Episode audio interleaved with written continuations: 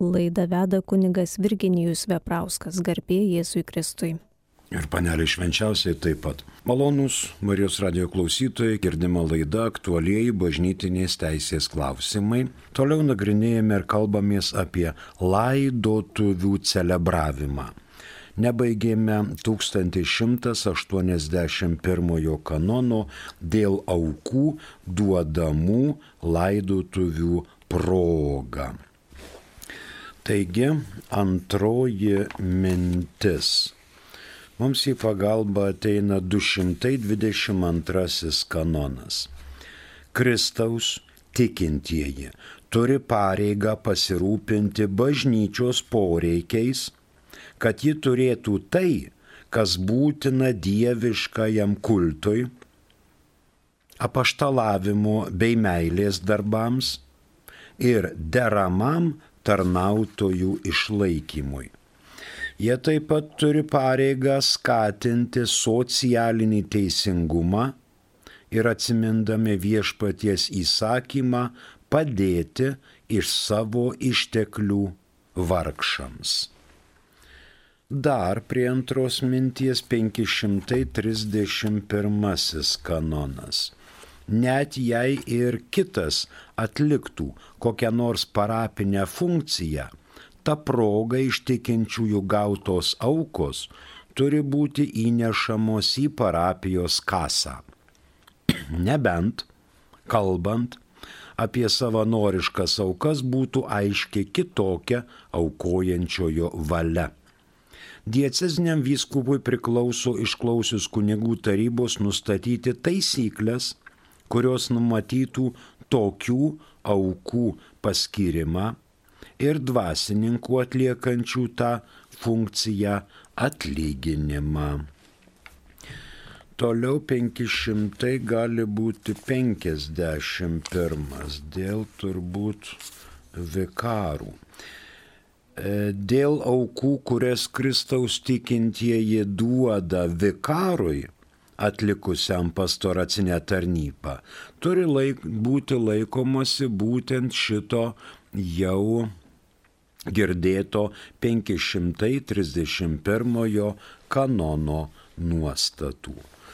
Ir 1267. Bet kokio bažnytinio juridinio asmens, taip pat ir privataus, vyresniesiems arba administratoriams perduotos aukos laikomos paukotomis pačiam juridiniam asmeniui, jei nėra žinoma priešingai. Antrasis aukų, apie kurias kalbama čia aukščiau, negalima atsisakyti, nebent būtų pateisinama priežastis. Ir jei kalbama apie viešuosius juridinius asmenis, svarbesniais atvejais su ordinaro leidimu, to paties ordinaro leidimas reikalingas priimant su konkrečiomis prievolėmis ar sąlygomis susijusias aukas, liekant galioti 1295 nuostatai. Ir trečiasis tikinčiųjų konkrečiam tikslui skirtos aukos negali būti panaudojamos kitaip, kaip tik tam tikslui. Čia buvo 1267. Gal dar reikėtų perskaityti 1295 kanoną.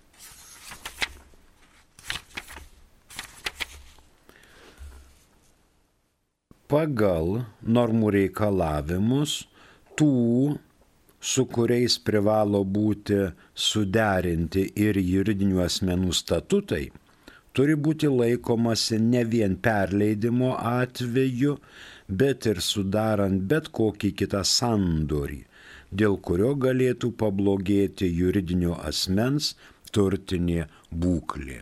Tai va žinoma, į, žiūrime į pablogėjusią būklę arba į pagerėjusią. 1917 m. kanonų teisės kodekse reglamentavo šiuos dalykus 1236 ir 1237, aiškiai pabrėždamas, kad klebonas negali reikalauti aukos. Mus pasiekė esama žinutė, prašom. Garbėzui Kristui, kaip užsakyti mišes užmirusi, kurio vardo nežinome. Antras klausimas po mirties siela neturi vietos, kaip suprasta būsena. Tai yra būsena, ne vieta po mirties, bet būsena. Dievas yra dvasia. Mes čia įpratę gyventi kūne, nes žmogus jungia savyje du pradus - ir materialųjį, ir dvasinį. O Dievas yra dvasia. Dabar, kad mes būsim perkeisti, tai jau akivaizdžiai esame įspėti.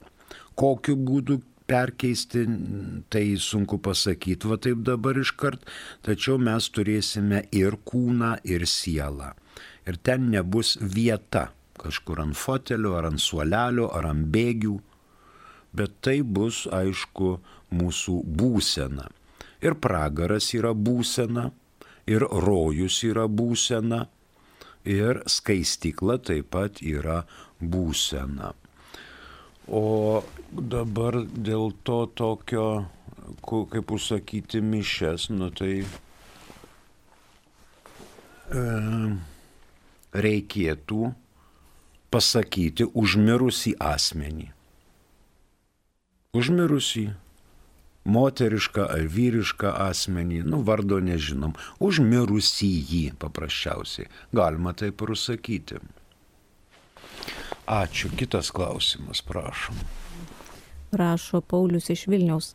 Kokia jūsų nuomonė apie tradicionalistinių pažiūrų vyskupo Karlo Marijos Vigano pasisakymus apie popiežių? Apie popiežių čia lyg tai prieš popiežių parašyta. E, mano nuomonė čia mažai jums ką reiškia, tada, tačiau vyskupai yra tik tada, vyskupų kolegijos nariai, kai jie veikia draugė su visa kolegija vadovaujant popiežiui.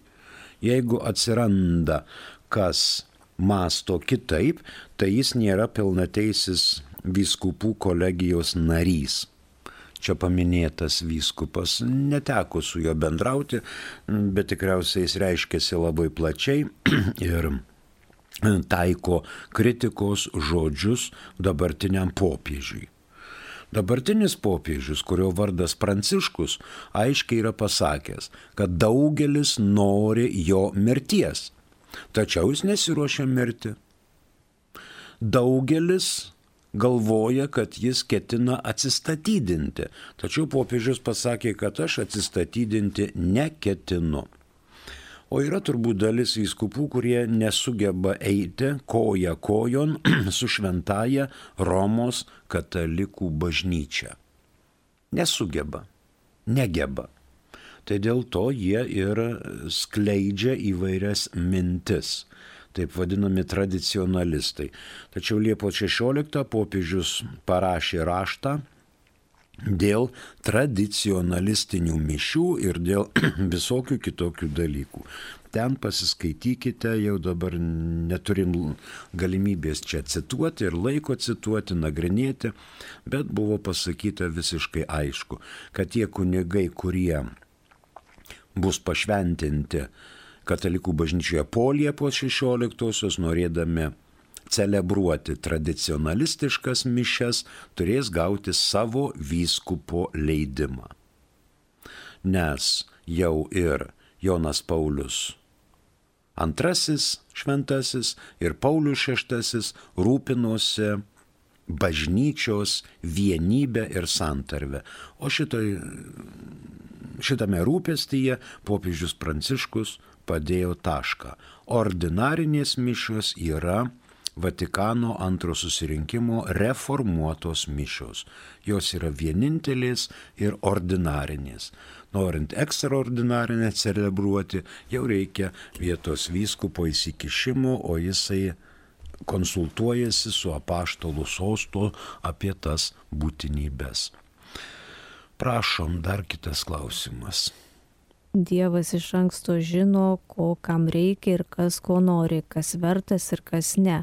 Tai kam tie maldavimai, kartojimai begaliniai, negi nuo skaičiaus didėja viešpaties malonė.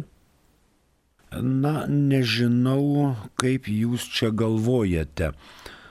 Dievas žino, ko kam reikia ir kas ko nori, kas vertas ir kas ne. Tai Dievas žino, bet Dievas padovanojo žmogui laisvą valią. Ir Dievas nesikiša į žmogaus laisvą valią.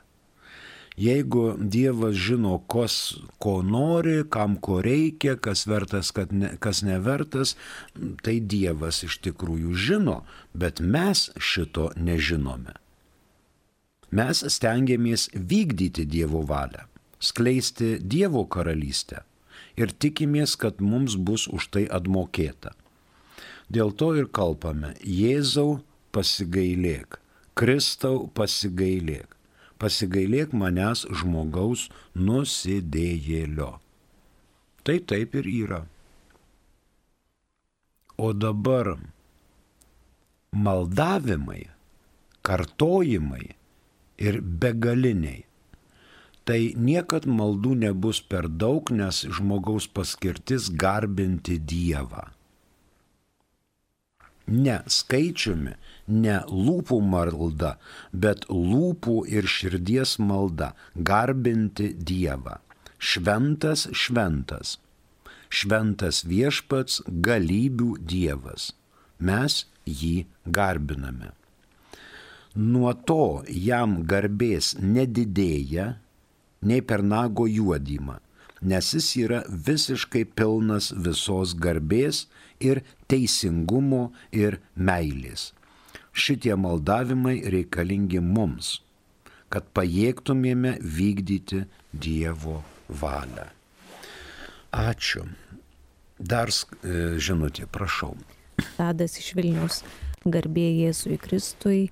Jeigu po mirties danguje nėra laiko, kaip galima paaiškinti buvimą skaistykloje arba malda už mirusį, kad greičiau patektų į dangų laiko nėra. Yra erdvė. Ir dabar buvimas skaistykloje tai liktai buvimas vietoje. Čia katalikų bažnyčia pasisako, kad buvimas skaistykloje yra būsena. Būsena. Tas, kuris numirė, vad šiandien, tai jis iškart yra pas Dievą teisme. Jau jo malonių laikas pasibaigė. Jis čia pat yra teisiamas. Mes gyvename laike. Ir dabar artėja vėlinės, kada galima aplikuoti tiek visuotinius, tiek dalinius atlaidus mirusiajam. Mes turim laiko ir galimybę melstis už juos. Jie jau galimybės nebeturi bet jiems mes galime padėti. Ir tiems, kurie numirė prieš šimtą metų, ir tie, kurie numirs po šimto metų, jiems mes galime padėti, nes mes gyvename kol kas laike. Ir mūsų malda aplikuojama mirusiesiems kad greičiau patektų į dangų. Taip, kad greičiau patektų į dangų. Galbūt, kad iš vis patektų O ar greičiau ar vėliau, tai čia neturi didelės reikšmės, kad iš vis būtų galima jiem patekti į dangų. Dėl to ir vykdomos laidotuvių apėgos, kai pašvestas asmuo, kunigas, kalba maldas. Tai yra pašvesto asmens maldos ir prašoma, kad Dievas priimtų šį asmenį į dangų, tai yra laidotuvės. Tas maldas gali kalbėti ir paprastas tikintysis, bet paprasto tikinčiojo maldos neturi tokios vertės, kaip kad pašvesto asmens - diakono, kunigo arba vyskupo. Tai yra tarsi, kaip minėjau, mažoji kanonizacija. Mes prašome, kad viešpats priimtų šį krikštytą asmenį į dangų, nežiūrint jo visų nusikaltimų ir nuodėmių, nes jisai stengiasi vykdyti Dievo valią. O kunigo užtariančioji malda yra labai labai svarbi. Ačiū. Toliau kalbame prie 1181 kanono. Trečia mintis laidojimo metu šališkumui neturėtų būti vietos. 1917 m. kanonų teisės kodeksas 1234 mm, ir 2 paragrafu buvo kategorijos. Laidojimo kategorijos. Dabar šių kategorijų nėra aišku, leidžiama daryti iškilmingesnės pamaldas tiems, kurie, pavyzdžiui, turi šventimus. Tarkim, šviesios atminties vyskupas Juozas Žemaitis. Jis turėjo sakrą, turėjo konsekraciją, tai jam išskirtiniai dalykai. Žinoma, išskirtiniai dalykai gali būti pasauliečiai valdžiai. Miršta prezidentas, laidojamas miesto meras arba rajono meras, tai jau būtų iškilmingiau. Tačiau viskas vykdoma pagal liturginės nuostatas. Mirė kunigo motina, susirinko kurso draugai. Na tai žinoma iškilmingesnės. Galima ir egzekvijas, galima ir liberą, ir, ir daugiau maldų, tačiau bet kokiam šališkumui yra nelabai nelabai vietos katalikų bažnyčioje. Ar tas, kur prie konteinerio stovi numirė, ar tas, kur, reiškia, kiekvieną sekmanį vaikšto į bažnyčią, vis tiek šviesos ir žvakės degamos abiem. Ir tam, ir tam. Ne mes teisėjai. Dievas atsirokuos. O mes, kaip krikščionys, už juos melžiamės. Dar vieną žinutę prašom. Juozas iš Marijampolės klausia, ar įgys Dievo vaikų garbę medžiaginė kūrinyje Jėzaus ateimo metu, kuri neturi sielos pradmenų ir mirs iki jo ateimo. Šventasis apaštalas Paulius turbūt ten vienam laiškelėje rašo, visa kūrinyje iki šiol tebedūsauja ir tebesikankina. Ir ne tik ji, bet ir mes patys, kurie turime dvasios pradmenis. Ir mes dėjojame, laukdami savo kūno atpirkimo. Mes turime tik tai dvasios pradmenis. Ir vis tiek dėjojame. O dabar ar įgis Dievo vaikų garbę medžiaginė kūrinyje? Nei vienas akmenėlis, nei vienas medelis, nei vienas upelis nėra įžeidęs kūrėjo. Tai kam įgyti Dievo vaikų garbę? Dievo vaikas yra, potencialus Dievo vaikas yra asmuo, tai yra protingos prigimties turėtojas, tai yra žmogus nuo pat prasidėjimo momento. O visa negyvoji gamta, jinai, kuo jinai yra žaidusi kūrėja? Niekuo. Bet vis tiek per žmogaus apsisprendimą, per gimtąją nuodėmę ir ta kūrinyje yra pažeista gimtosios nuodėmės, kaip Paulius rašo. Ir ji taip pat dėjuoja. Iki šiol tebedūsauja ir tebesikankina. Kad ji pasikeis, tai yra faktas, bet kam jai Dievo vaikų garbės.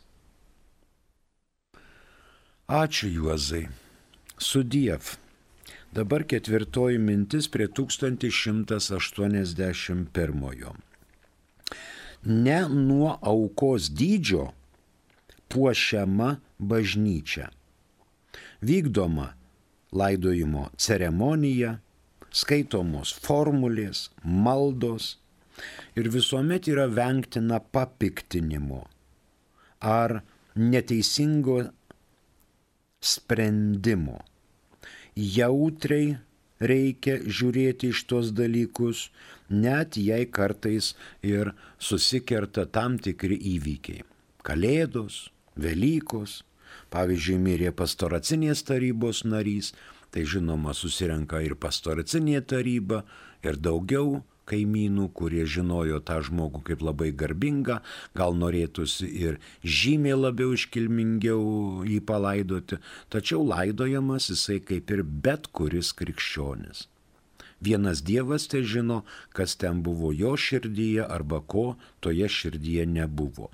Todėl vengdami papiktinimo ir šališkumo kunigai daugmaž lygiai visus traktuoja. Mums į pagalbą gali ateiti dar 1264 kanonas. Jei teisė nenustato kitaip, provincijos vyskupų susirinkimui priklauso nustatyti mokesčius, kuriuos turi patvirtinti apaštalų sostas už vykdomąją galę suteiktus malonės aktus arba už apaštalo sosto reskriptų vykdymą. Nustatyti aukas sakramentų bei sakramentalijų teikimo progą. 1181 pasiaiškinome, rytų kanonuose atitikmuo yra 878. 1181 fiksuojame. Dėl aukų duodamų laidotuvių proga turi būti laikomasi 1264 kanono nuostatų. Tačiau saugantis, kad laidotuvėse nebūtų jokio šališkumo dėl asmenų ir kad vargšai neliktų be tinkamų laidotuvių. Dabar 1182, bet iki to dar perskaitykime žinutę. Prašom. Jonas iš Klaipėdos rašo, popiežius ragina valstybės priimti migrantus, o kodėl nei Vatikanas ar bažnyčia turėdama tiek tuščių vienuolynų ir kitų pastatų nepriima jų savo globon. Jonai abejoju jūsų turimą informaciją dabar Vatikanas yra prieėmęs ar 12 migrantų. Tikrai, tikrai yra prieėmęs. Neaišku, ar jie ten pasiliko, tačiau popiežius prieėmė. Dabar bažnyčia turėdama tiek tuščių vienuolynų ir kitų pastatų nepriima jų savo globon. Pasvarstykime šitaip vienuolynas apleistas. Jis priklauso bažnyčiai, bet jis priklauso bažnyčios kongregacijai. Kažkuriam tai vienuolino sparnui, fligeliui nėra taip, kad pastatas nepriklauso niekam. Štai stovi tuščias ir niekas juo nesinaudoja. Gali būti, kad pavyzdžiui kokie cistersai naudojasi, bet jie neturi lėšų remontuotis.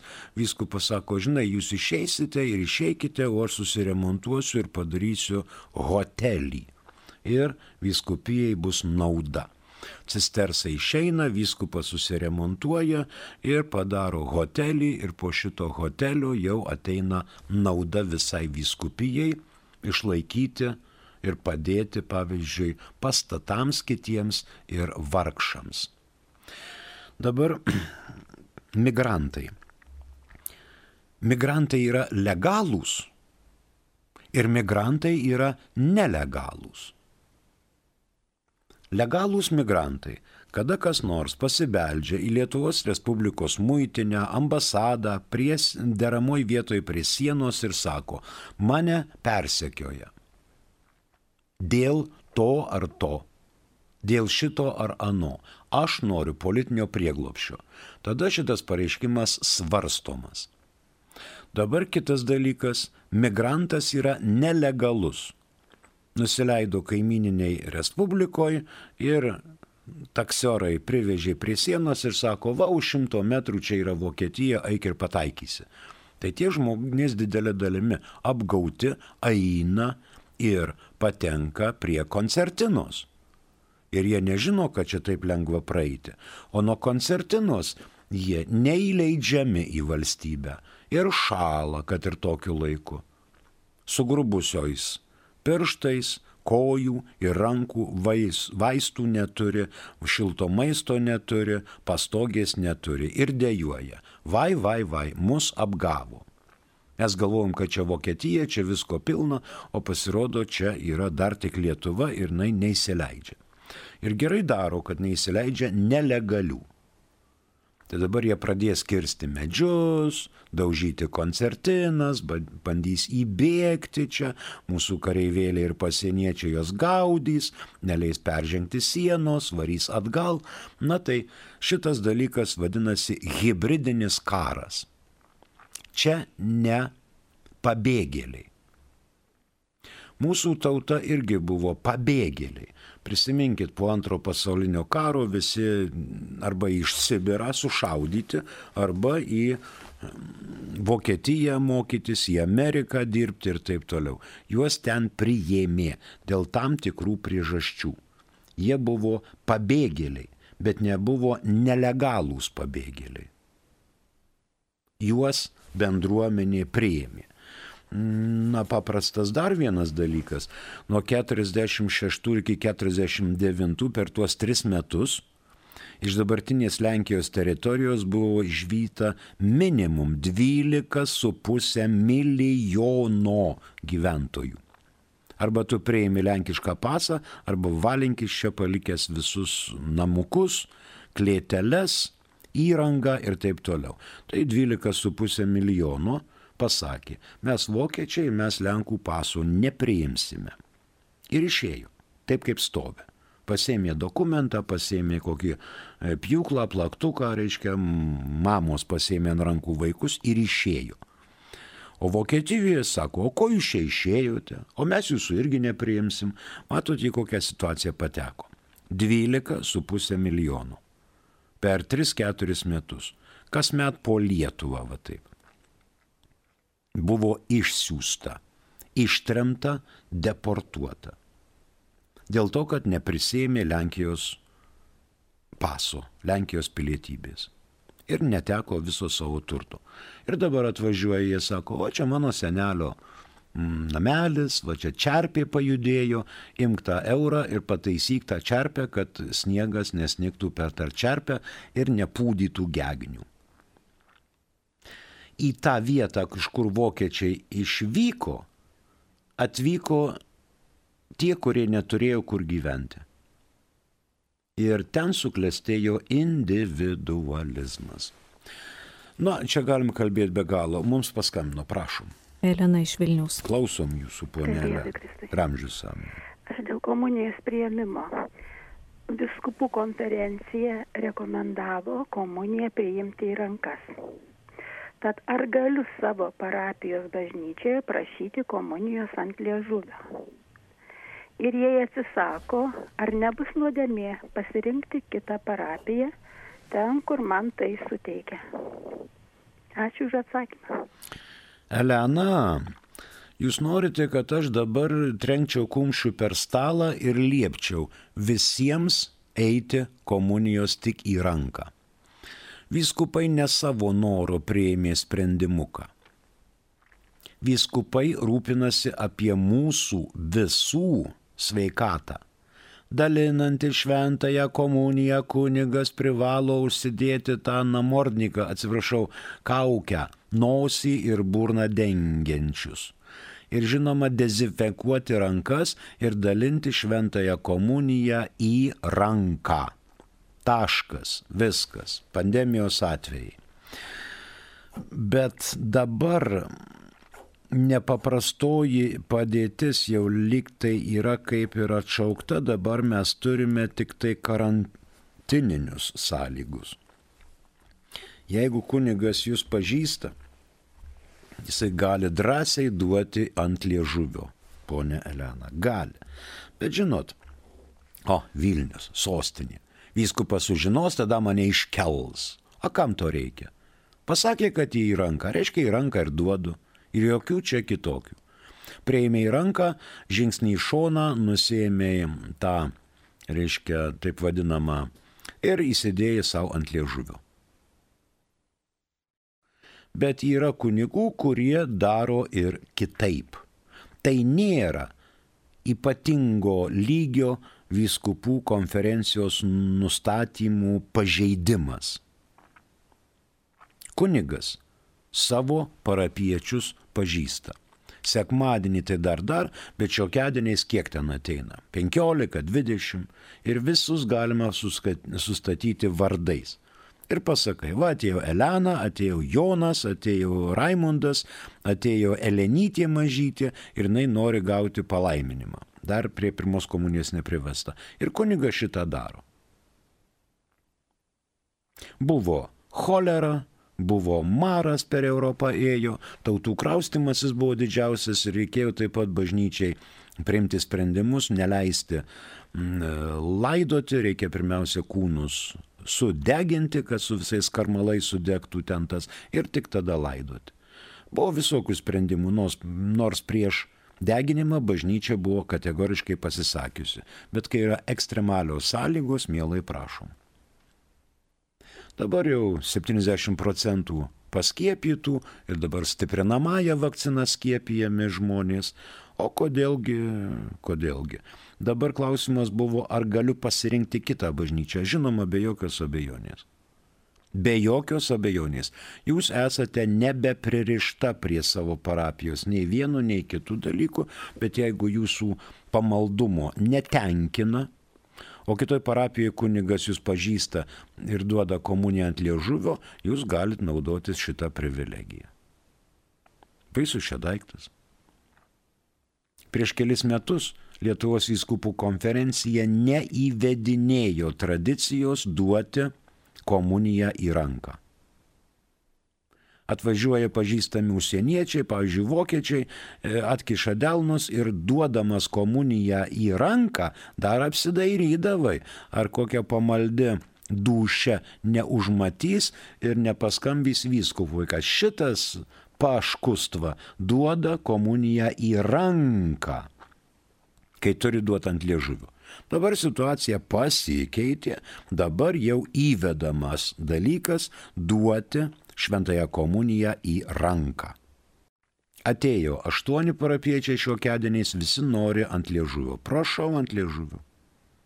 Keturi stovi, keturi atsiklaupė. Duodi stovintiem ir duodi atsiklaupusiems. Kur bėdos? Tai yra praktika. Primenu, kad čia girdima laida aktualieji bažnytinės teisės klausimai.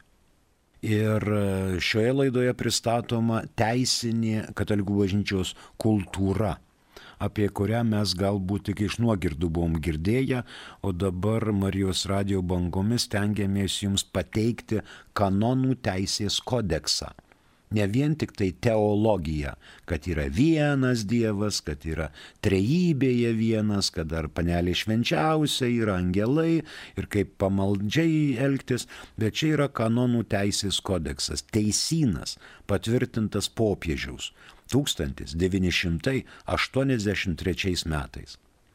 Sakyčiau, trečdalis kanonų jau yra pakeista. Pakeista ir negalioja. Bet mes laikomės to lietuviško vertimo ir norim šiek tiek mm, pateikti jums mintį apie būtent šitą, kas čia dedasi. Net matot, kanonai kalba ir apie laidotuvės. Apie laidotuvės ir kitus dalykus. Na, dabar 1182 kanonas. Po laidojimo pagal partikuliarnės teisės normą turi būti padaromas įrašas mirusiųjų knygoje. Žmogus žodžiu palaidotas ir apie tai turi būti įrašoma knygoje. Apie e, mums paskambino, prašom. Klausytojas Tasė. Klausom jūsų, ponė. Garbė Jėzui Kristui. Per amžius amžinuosius. Amen. Aš ką tik, ką tik girdėjau, kad melskitės už krikštytus mirusius. Ir ar aš nelabai supratau, buvo tai prasmės už nekrikštytus, ar nėra prasmės melstis. Nekrikštytus, kad ką tik šnekėjot. Jo, jo, ką tik šnekėjau. Už gyvus ir mirusius, už tikinčius ir netikinčius yra prasmė melstis. Dabar pasižiūrėkime į tokį kanoną, dar spėsim turbūt. E, turėčiau rasti kanoną, turbūt, e, ponė Stasi, kitoj laidoje aš jums jį atversiu, kur parašyta, kad kunigas privalo priimti visas intencijas už gyvus ir mirusius, už bet kurį mirusį, už bet kurį mirusį. O mes per vėlinės ir per visus šventus per oktavą galime drąsiai melstis ir už krikštytus, ir už nekrikštytus, ir už tikinčius, ir už netikinčius. Mūsų krikščioniška meilė tegul pasiekia juos ir šiek tiek pašildo. Tuo ir baigsime. Prie mikrofono dirbo kunigas Virginijus Veprauskas. Ačiū Jums už galimybę pasišnekėti ir sudie šviesių švenčių.